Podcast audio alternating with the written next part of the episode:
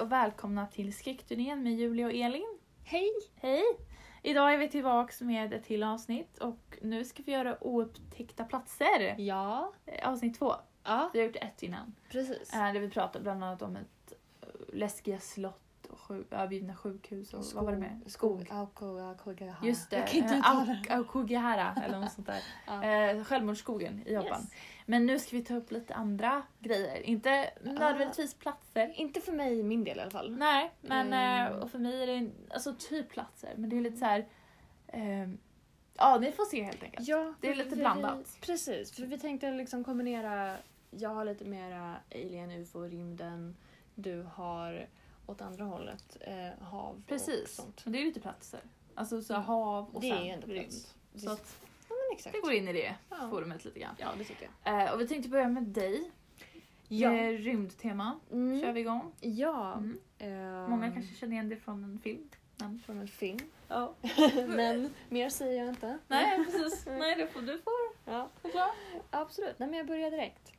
Ehm, för jag tänker, de allra flesta har väl sett filmerna Men in Black. Precis. Det har väl du gjort? Ja, I guess. definitivt. I alla fall de första. Ja, Ja. ja. samma här också. Jag också Inte så mycket mer tror jag. Ehm, för det kom ju ut någon för något år sedan bara. Ja, 2019 Ja. med han som spelar Thor. Chris, eh, Chris Hemsworth. Hemsworth, Ja. Ehm, men vad man kanske inte visste är att eh, de finns på riktigt. Eller ja, ehm, det påstås det. Allegedly. Precis. Eh, och eh, de här skiljer sig ganska mycket från de vi har sett på bioduken. Inte lika trevliga. Inte lika trevliga. Nej. Eh, men vad gör de här eh, svartklädda männen? Eh, jo, de kontaktar eller besöker personer som antingen har stött på aliens eller ufon eller personer som gör research och undersöker ufon. Ehm, De presenterar sig genom att hålla fram, eller oftast då, hålla fram ett kort, ett vitt kort där det står security på. Och de säger att de kommer från en hemlig organisation. Eh, Och de refererar till varandra som nummer eh, istället för namn. Mm. Eh, Det, Det är sägs... väl lite som i filmen. Ja eller? men det kanske det är. Jag, jag Ja. kommer inte ihåg, det var jättelänge sedan jag såg De förlorar ju sina identiteter. De ska ju endast vara typ poliser i rymden. Ja, just lite det. så. Eh, så, ja. Just det ja. Precis, men där ser du likheter. Mhm. Ehm, Det sägs att de använder sig av skrämseltaktik och eh, på något sätt då övertygar de de besöker att eh, hålla tyst och inte föra vidare information. Ehm, och hur vet vi det här? Eh, det beror på att folk säger sig då ha träffat på dessa män. Och den första var Harold Dahl i juni 1947. Han var ute med sin segelbåt i Pu- Pu- Puget Sound. Mm. Pu- jag vet inte, jag vet aldrig hur man uttalar Puget Sound. Ja, Puget. Sound i Washington med eh, då sin hund och sin son. När han då märkte sex stycken munkliknande objekt som plötsligt dök upp på himlen. Mm. Eh, Ett av dem gick sönder och eh, delar av, av den störtade ner mot vattnet och olyckligtvis dödade hunden och eh, skadade sonen. Eh, Harold lyckades ta bilder av spillrorna eh, men en svartklädd man hade senare kommit fram till honom och uppmanat honom att inte berätta för någon om den här incidenten. Det låter som en bra ursäkt för att han har skadat hunden och sin Exakt. son. Alltså, Det tycker jag också. Det, Ja. ja. det är en amerikan. Mm, Typiskt. Precis. Eh, när FBI senare undersökte händelsen slog de fast att detta var en bluff. Uh, Dahl hade även gett informationen till polisen att, eh, jag citerar, om han blir förhörd av myndigheterna skulle han säga att det var en bluff eftersom han inte ville ha någon vidare inblandning i det. Okej. Ja, alltså det, ja, jag vet precis vad du tänker och jag tänker likadant. Ja. Mhm. Ehm, den andra händelsen eh, eh var då 1967 i Toledo, Colorado. Eh, när Robert Richardson sent på kvällen var ute och körde eh, krockade han plötsligt med ett, vad han kallade då, eh, ett UFO. Eh, men i nästa sekund var skeppet helt borta. I spillrorna så plockade han upp en sorts, eh, sorts metallbit eh, och den tog han då med sig hem. Eh, några dagar senare knackar det på hos Robert. Han öppnar ytterdörren och där står två män i svart kostym. De båda männen presenterar sig och, och säger att de kommer då från en hemlig organisation och att de kommit för att hämta den metallbit som Robert plockat med sig från olycksplatsen. Men eh, Robert förklarade att han inte hade den kvar utan att han hade gett den då till myndigheterna för att vidare undersöka den och var den kommer ifrån. Männen började bli hotfulla och eh, jag citerar en gång. Då säger de If you want your wife to stay as pretty as she is then you'd better get the medal back. Okej. Hotar de då honom med. Okej. Det var ett väldigt konstigt hot men Väldigt konstigt. Männen gav sig av och Robert såg dem aldrig mer igen. Eh, men ja, vad, vad visste de om den här metallbiten, tro? Eh, ett år senare, då 1968, i New Jersey. Jack Robinson rapporterade om att han och hans fru blev eh, iakttagna av en man som stod eh, tvärs över gatan där de bodde och de stirrade rakt in till dem. Eh, mannen hade svart kostym, en hatt och han såg bara allmänt mystisk ut. Eh, Jack Robinson var en ufo-forskare och eh, satt antagligen inne på mycket information om rymden och eh, aliens och så. Efter tre dagar valde Jacks vän Timothy Green Beckley att fotografera den här mannen på ett diskret sätt. Så det finns en bild på det här. Mm. Och han ser väldigt skum ut. Så jag, jag tänker jag kan visa dig den sen. Ja, du får jättegärna visa mig. Um, och uh, den 11 september eh, uh, 1976 så rapporterade uh, då Dr. Herbert Hopkins, en eh, forskare i en ufo... Uh, vänta, nu ska vi se om jag säger det rätt här. Dr. Hob, Herbert Hopkins rapporterade, forskade i en UFO-incident som hade inträffat. Telefonen ringde och eh, mannen på andra sidan luren presenterade eh, sig som en representant för en UFO-organisation i New Jersey. Mannen frågade om Herbert var ensam och om han ville diskutera hans eh, forskning. Herbert gick med på, på, på det här och när samtalet började lida mot sitt slut så såg han då i sitt fönster hur mannen som han talade med i telefon eh, gick upp för trapporna till hans ytterdörr. Då. Eh, Han beskrev mannen som lång, flintskallig med eh, svart skräddarsydd kostym. Han hade varken ögonfransar eller ögonbryn och huden var likblek och eh, mörkröd färg på läpparna. Va? Det såg väldigt så här, omänsklig ut. Usch. Ehm, och det var lite plastigt liksom. Eh, Herbert öppnade dörren och eh, var... Det här är ganska skumt möte. Eh, han eh, då, den här mannen, eh, tar fram ett litet eh, kopparmynt och eh, säger åt Herbert att titta noga på den. Herbert förklarar att eh, myntet låg då i handen på den här mannen och ehm, eh, sen började den liksom få en silverfärgad färg eh, och sen gick över till en blåaktig färg innan den blev lite så här luddig, lite suddig liksom. och sen helt plötsligt försvann den. Okej. Mm. J- Jättekonstigt, så här, bara titta. Alltså, Ehm, och därefter så var myntet då helt borta och efter mötet hotade mannen Hopkins att förstöra all forskning han gjort innan ufo-incidenten. Och sen bara försvann han också. Okej. Mm. Den senaste rapporterade mötet med Men in Black hände Shane Sover och den här händelsen tycker jag är lite creepy. Det här är typ den enda som jag ändå tycker verkar trovärdig. sätt, För att det här finns bevis, det finns övervakningskameror på det här och det ser så jävla um, creepy. Jag ska visa dig den sen. Ja. Ehm, och det här är då den 14 oktober 2008 i Niagara Falls.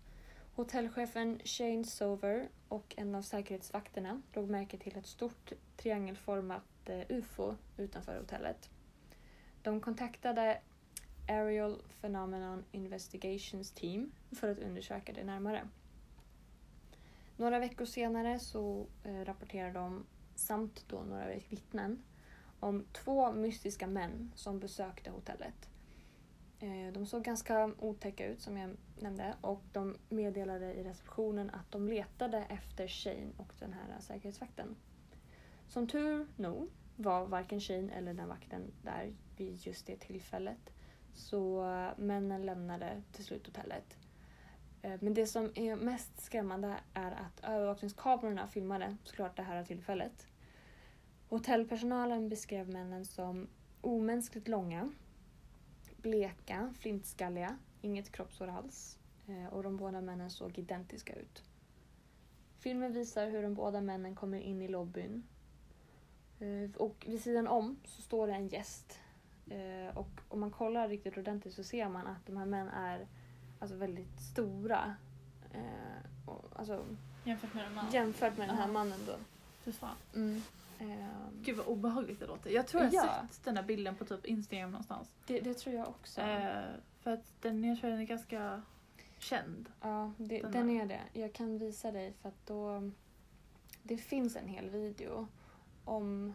Ja, vi får Då, kolla på den dem. sen. Vi kan kolla på Precis. den sen med grabbarna kanske. Ja, precis. Det kan vi göra. Men nu verkar inte några bilder alls vilja visas Nej, men vi, vi tar upp det Men sen. jag visar dig Ja. dem sen. Ja, vi, vi hittar dem sen. Ja. Uh, gud vad obehagligt. Ja, vad... Alltså, det låter ju spontant som att det är äkta.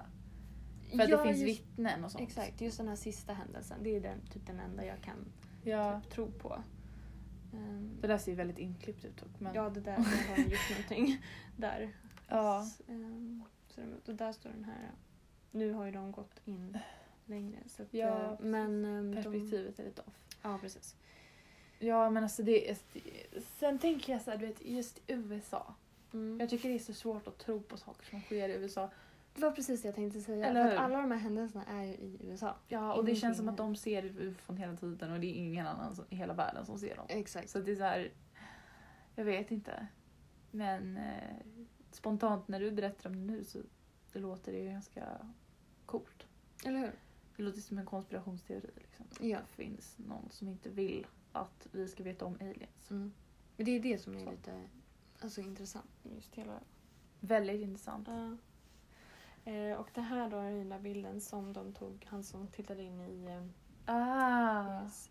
vi, vi lägger upp alla de här bilderna till er sen på Ja, Instagram. så precis. det är bara att ni går in och kollar på dem sen. Ja, det gäller ju alla avsnitt såklart. Ja, Allt vi precis. pratar om som det finns bilder på så Ja. lägger vi upp dem så ni kan se också. Ehm, usch, jag har alltid tyckt det här med aliens är så himla coolt. Alltså att det skulle kunna finnas alien men samtidigt så är det så, så svårt att tro det. Eh, Mm.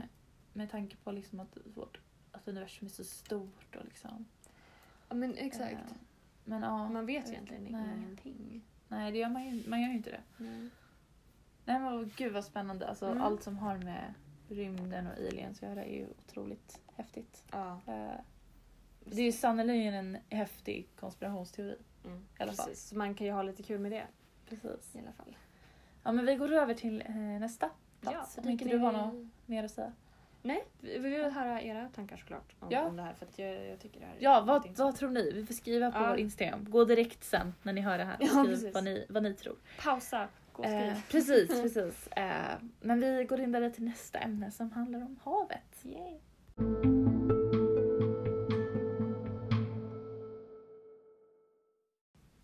När jag hälsar på mina föräldrar brukar jag ta åtminstone en dag för mig själv där jag ägnar mig åt djupvattensfiskning. Det har blivit lite som en tradition för mig och jag njuter verkligen av tystnaden mitt ute på havet. Min pappas båt är inte riktigt gjord för de djupa haven då den är ungefär 4,5 meter lång bara. Men om man vet hur man för, eh, ter sig runt båtar och vädret är okej så duger den. Det var en klar höstmorgon när jag gav mig ut på havet. Inga moln på himlen, knappt någon vind och jag såg verkligen fram emot att ha en dag för mig själv ute på det blå. Jag ville bara fånga lite fisk och ta det lugnt. Jag brukar röra mig runt tre olika ställen där fisket var bra och det inte fanns några färjor som svepte förbi. Det tog mig cirka 40 minuter att ta mig till den första platsen, bara ett stenkast bort från en gammal fyr. Och jag satte omedelbart upp min stol och slängde fiskelinan i vattnet.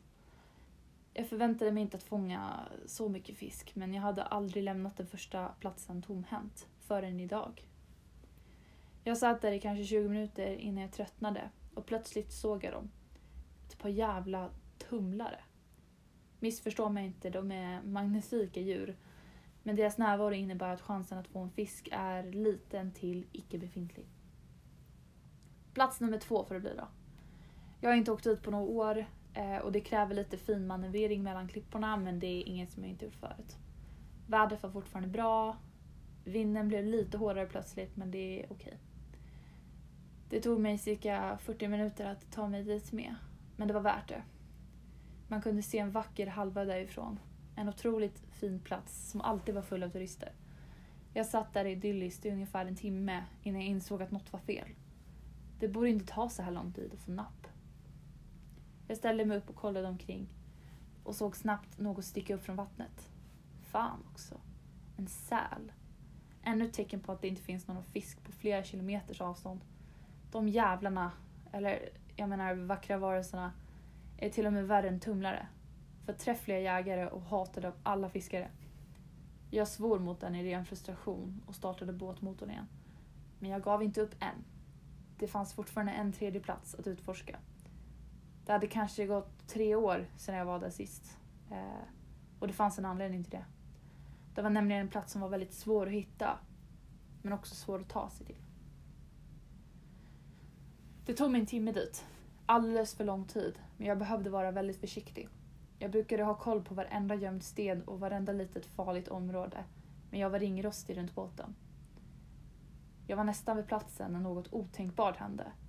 Båten slog emot något hårt. Eh, jag höll nästan på att ramla över bord. När jag stod stabilt igen kollade jag upp och kunde knappt tro mina ögon. Det var en dörr. Ingen flytande dörr, som skräp som flöt runt utan en solid rotfast trädörr som låg horisontellt på vattenytan. Den var målad i en vit färg med en utsmyckad dörrkarm. Handtaget var ett sånt där gammalt böjt med något som liknade en gargoyle-figur längst ut på den. Det såg ut som något man kunde se på en gotisk herrgård eller liknande. Och jag bara stod där och stirrade på den i flera minuter. Jag förstod inte varför dörren var här. Borde jag ringa någon? Borde jag markera det på min karta? I slutändan gjorde jag det som kändes mest logiskt där och då. Jag sparkade till den. Bara några gånger försiktigt med min stövel för att se om den rörde sig. Men det gjorde den inte. Vad det än var så kunde den inte bara flyta iväg. Så jag bestämde mig för att öppna den. Och jag varnar andra. Om ni hittar något liknande mitt ute i havet, var inte idioter. Var inte som jag. Öppna den för i helvete inte. Jag tog fram årorna för att justera båten så jag kunde stabilisera den bredvid dörren. Sedan sträckte jag mig fram och öppnade upp dörren.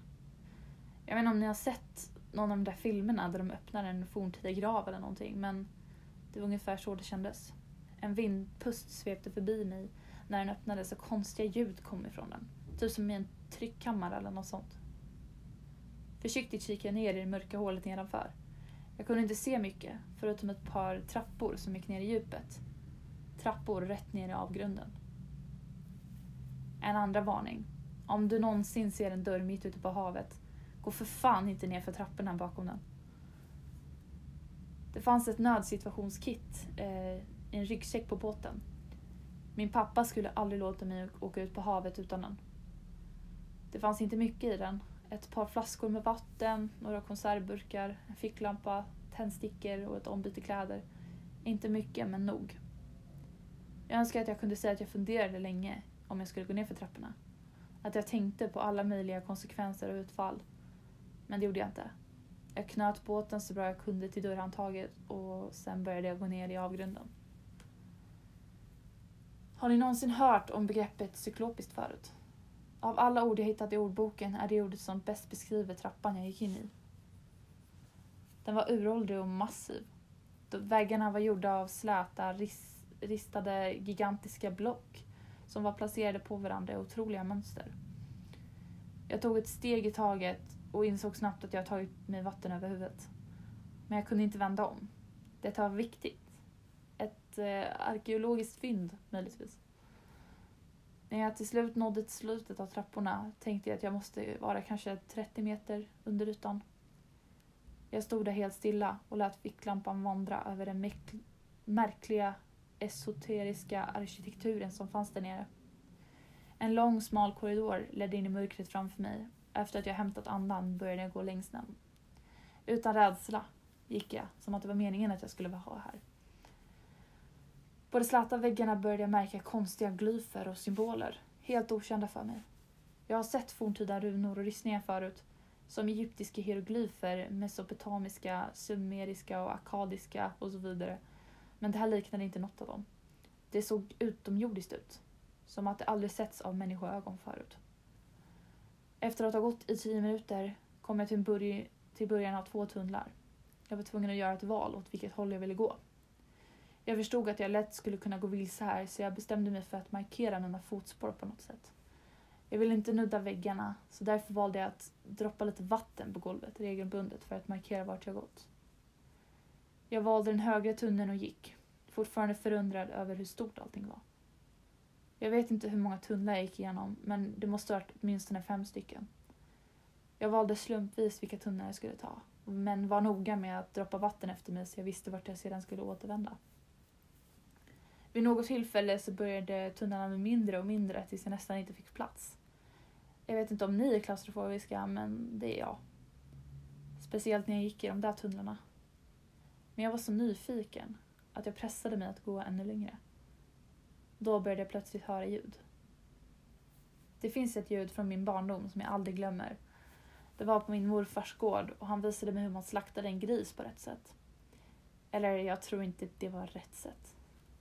Han högg den stackars grisen med en yxa i halsen och fortsatte flera gånger tills grisen inte rörde på sig längre. Ljudet av yxan som högg djupare och djupare ner i djurets hals. Samma ljud hördes i tunneln. Det ekade mellan väggarna följt av ett desperat animalistiskt ljust skri. Jag fick panik, det kan jag lugnt erkänna. Vid den punkten väcktes jag ur mitt Indiana Jones-mod och sprang så snabbt jag kunde tillbaka i riktningen jag kom ifrån. Skriet dog snart ut, men ett annat ljud ersatte det. Jag kunde inte riktigt höra det först, för jag var så panikslagen. Det var ljudet av en naken fot som slog mot marken. Jag kom till ett vägskäl där jag behövde lugna ner mig för att orientera mig. Och det var då jag hörde dem. Och det var då jag såg det. Det kom mot mig en onaturligt hastig fart, hoppandes upp i luften i oregelbundna intervaller. Jag har fortfarande problem med att beskriva det. Jag tror inte vårt språk, eller något annat språk för den delen, har ord nog att beskriva den där hemska varelsen. Den var dubbelt så stor som mig och sprang på sex förlängda lemmar. Fast det var inte lemmar. Det var mer som tentakler med ben som böjdes till krokiga vinklar. Dess hud var läderlik och blek och nästan genompinlig. Huvudet kan jag beskriva. Det var den delen som var mest människolik. Den hade tänder, men inte huggtänder utan eller något sådant, utan människotänder. Stora människotänder som tog upp nästan hela dess huvud. Jag insåg då mitt öde, att jag skulle dö. Jag föll till mina knän, slöt mina ögon, grät och skakade och väntade på att jag skulle vad jag, på vad jag hoppades skulle bli ett smärtsamt slut. Men det kom aldrig. Istället sprang varelsen förbi mig varav dess fart slängde in mig i väggen för att sedan försvinna bortom synhåll. Ett par sekunder senare kunde jag inte ens höra varelsen längre.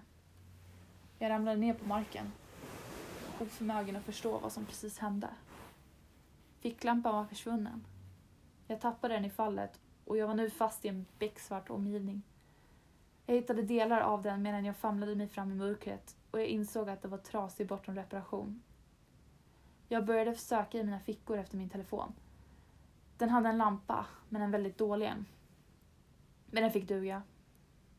Jag behövde ta mig tillbaka till båten så fort som möjligt. Jag lyste min mobiltelefon nära marken för att kunna se något, vilket innebär att jag behövde krypa fram. Det tog ett tag, men till slut började jag hitta mina vattendroppar och pustade ut i lättnad. Jag följde, följde spåret i vad som kändes evigheter och mina Knän var blodiga och ömma.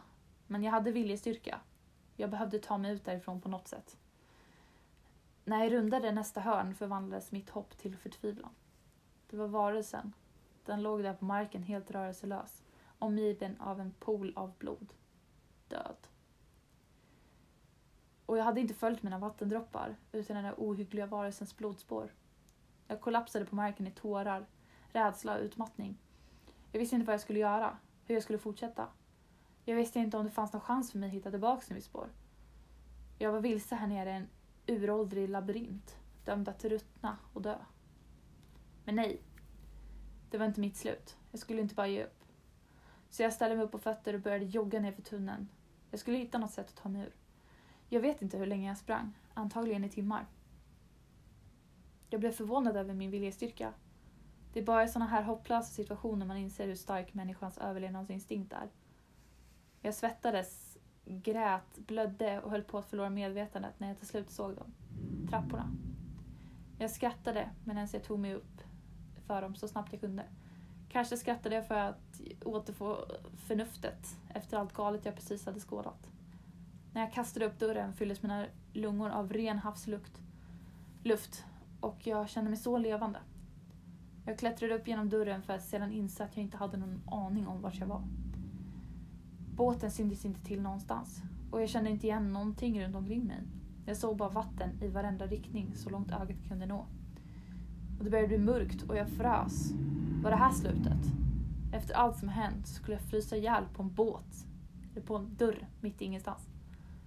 Men jag frös inte ihjäl.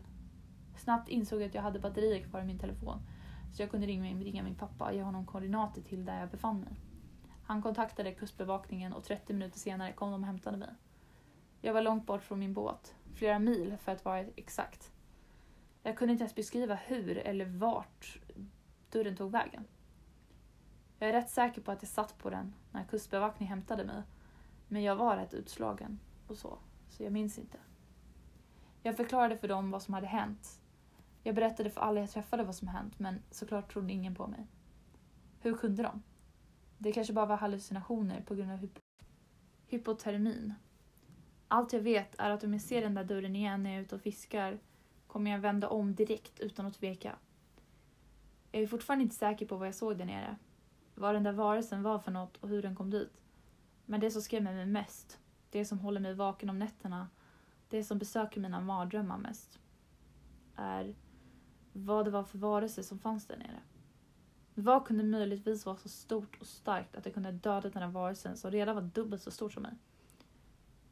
Det finns något utomjordiskt monstruöst och fruktansvärt som lever där nere i avgrunden. Och jag hoppas att det aldrig hittas.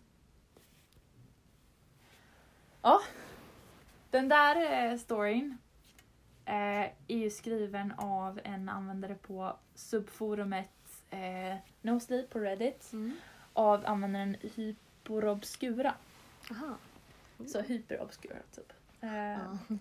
Och jag vet inte, vad du tycker. Den, den heter Om du någonsin stöter på en dörr mitt, på hav, mitt ute på havet, lämna den för guds skull i fred. Gud, jag älskar den. Eller hur? Ja. Visst var den bra? Ja.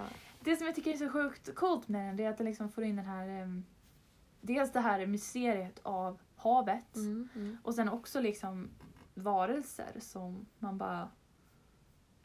ja Som är sjukt alltså, obehagliga. ja. Och liksom det här med eh, forntida skrift. Alltså, eh, Där får med allt så, som gör liksom ett bra skräckelement tycker jag. Ja.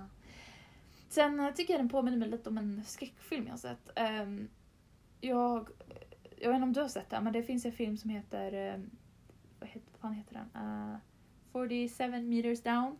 Mhm, Nej, den har jag inte sett. Nej, för det finns två stycken. Den första är ganska dålig, men den andra är skitcool. Mhm. Den spelar utspelar sig då några tjejer som dyker ner i sådana här forntida eh, gravtempel som liksom, du vet, Mm. eh, begravts under, under hav, havet. Och så dyker de in där och du vet, de tror att det kommer inte vara någon fara för det finns inga eh, hemska grejer där. Och sen så stöter de på så här stora vithajar som har tagit sig ner Mm. dit. Och som på grund av att det är helt becksvart där inne så har de ju, då är de ju eh, blinda. Mm. Så de har liksom utvecklats där nere, en egen sorts haj. Nej, fan vad Det är, coolt. ja, det är en jättecool film. Den, den låter ganska, ganska dålig men den är jättecool. Ja, det låter. Eh, så att den, och den var jätteläskig och realistisk. Så att, och man blir så klaustrofobisk. Mm. Och det var det jag kände när jag såg den här också. Så här, Ja. så. Ja, men de där tunnlarna och, Ja. och ja, man bara kände så här, hmm. Precis. Och det, det, den påminner mig även om någon annan typ av en legend. Nämligen eh, Atlantis. Ja, det var, den, det var den jag tänkte på också. Eller hur? Ja, Visst är det så lite här, är det här Atlantis eller vad är Det, det här? det är lite så här, det är som en läskig Atlantis. Ja, Det är, för det är som men just, inte... ja, just den här ja. varelsen. ja, alltså. också. Alltså först, först det här, oj, ja jätte, gud den här kommer döda mig. Ja, Eh, och sen visar det sig antagligen att den typ springer från någonting annat mycket större. ja, mycket, mycket större. Ja. Man, Fan, vad är det var, för något? Det var en jävla twist. Ja, skitobehagligt Ja. faktiskt. Ehm, så jag, jag, jag såg det framför mig liksom när jag läste den här, den här stora varelsen. Den, Mm. jag kan inte ens tänka mig hur den såg ut. Nej, Liksom. nej. Det är Jag- tentakler och... Ja, alltså när du beskrev ansiktet tänkte jag typ som Wendigo i Until Dawn. Åh, åh I- gud. Som ansiktet. Ja, typ Mm. lite grann Ja. faktiskt. Fy fan vad äckligt. Men, eh, ja, men jag tycker den påminner lite om Atlantis. Mm. Och, och som ni, för er som inte vet vad Atlantis är så är det, det var en ö omtalad av eh, ingen mindre än Platon. En av de här politiska tänkarna från eh, antika Grekland. Mm. Eh, och enligt honom ska den ha legat väster om Herakles stoder. Herakles. Herakles, ja. Tror jag att man säger. Herakles stoder. Eh, vilket har tolkats som typ Gibraltar sund vid nordöstra Atlanten. Mhm. Eh, kärnterritoriumet var ett, en stor ö vid namn Basileia. Och vilket är huvudstaden Poseidopolis ska ha legat. Eh, har varit det mäktigaste riket på jorden under dess tid, men dess existens har inte kunnat bevisas. Styret för riket ska, vara, ha, ha varit en enväldig kung och Atlantiska har haft den största makten av alla så länge man satte dygd före rikedom. Eh, den oklara identiteten av staden har lockat författare och många andra att skapa en del teorier. Ofta kopplade till forntida kulturer såsom Medelhavet, eller runt Medelhavet. Inom forskningen ses Platons texter om staden som beskrivandet av en fiktiv idealstat. Och staden beskrivs i två dialoger som, som är Timai, Timaios och Kvitias. Ehm, den förstnämnda av dem ska då beskriva att Atlantis historia och den andra fokuserar mer på stadens författning. Enligt texterna eh, är historien om Atlantis ett minne om den grekiska statsmannen Solo eh, som fått höra av präster i Neit-templet i den egyptiska staden Seis. Och det är troligt att det rör sig om en påhittad berättelse med syfte att förhärliga det som var uratenarnas moral eh, från då Platons sida. Eh, sentida europeisk folktro samt andra liknande säg- sägner eh, traditioner rör städer och bygder som sjunkit i havet eller jorden på grund av att invånarna har vänt sig till syndfulla livsstilar, hedonism eller andra avseenden klandervärda sätt att leva på. Den ökande omoralen hos invånarna gjorde att staden till slut sjönk på havets botten på bara ett dygn och lämnade endast gyttja efter sig. En populär teori om Atlantis är att imperiet är identiskt med den grekiska vulkanön Thera som ligger på, som är vid Santorini idag. Eh, omkring 1450 före tidsberäkningen inträffade nämligen ett kraftigt vulkanutbrott eh, som ödelade en hel stad eh, med den här ön då, på, med en otroligt stor befolkning. Vad som är intressant är också att en Uppsala professor vid namn Olof Rudbeck på 1600-talet tog fram sin tes om att Sverige var Atlantis. som, och grundats kort efter syndafloden. Aha. Och att huvudstaden i Atlantis var Gamla Uppsala. Nej men. Det är jättekonstigt. I sitt verk Atlantica bygger han på bevis från eh, fornnordiska sagor. Eh, jag tycker det är lite coolt. Det var Sverige är kul. Atla- Atlantis. Nej, men tycker om havet- den teorin. Ja, jag tycker också om det. Men havet är så coolt. För att det, är så här, det, det finns ju på 75, eller liksom 75 procent av hela jorden består av vatten. 95 procent är oupptäckt. Ja, det är så jävla sjukt. Så det kan finnas så sjuka grejer där nere. Ja, och det är därför liksom. man inte kan säga nej men det där finns inte. När man hör Exakt. liksom, såna här historier och, och sånt där. Precis. Så att, För eh, Man kan omöjligt veta. man vet inte. Nej. Så att eh, det finns ju liksom teorier om att eh, vissa djur som finns där nere. Ja. Och vissa har man ju bekräftat att det stämmer och vissa kan man inte bekrä- bekräfta. För att människor kan inte överleva i ett sånt klimat. Liksom, vi kan inte ta oss dit. Så att det kommer ju for, många ställen kommer ju fortsätta vara oupptäckta. Det är otroligt intressant. Mm. Ehm, så ja, Ja. havet är Havet. otroligt coolt. Eh, och den här historien, jag, inte, jag tyckte, tyckte den fångade liksom det som är det läskiga med havet. Man vet aldrig vad man kan stöta på när man är ute på havet och Mm. gör sin grej. Liksom. Att det är egentligen inte vår... Människor hör ju egentligen inte hemma där. Nej, exakt. Så det är väldigt coolt. Mm. Så Det är som två olika världar egentligen. Det är ju det. Havet och ehm, där vi är. Ja, det är svincoolt alltså. Mm.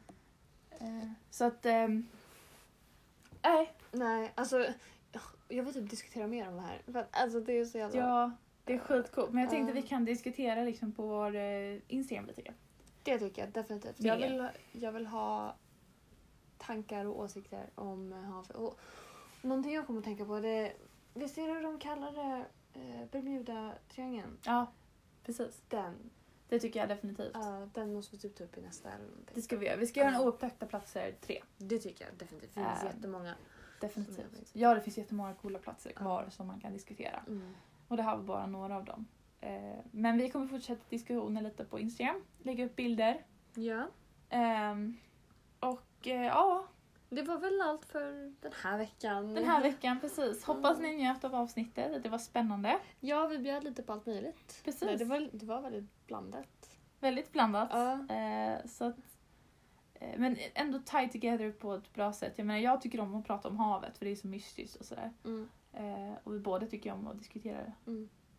Så att, alltså vi diskuterar rymden och sånt, det är ju ascoolt. Mm. Eh, vad finns där uppe? Det vet vi inte heller. Mm. Det är li, lika outforskat. Men Det är det som är grejen. Och, Mm. och liksom de här Men in Black, de, de sägs ju är att de är de kommer från rymden, de är aliens. Ja, precis. Så, att, Så är de på det, riktigt? Ja men precis, är de på riktigt? Eller jag vill, åh. Vi borde ha en omröstning på Instagram tycker jag. Vad, Ja. Tror ni att de är på riktigt eller inte? Ja precis. När det här avsnittet släpps. Så, Ja, så det tycker ut det. Det. Så ni får gå in och rösta där. Ja. Vad ni tror, om de är riktiga eller inte. Eh, jag tror att det kan vara en sån amerikansk konspiration.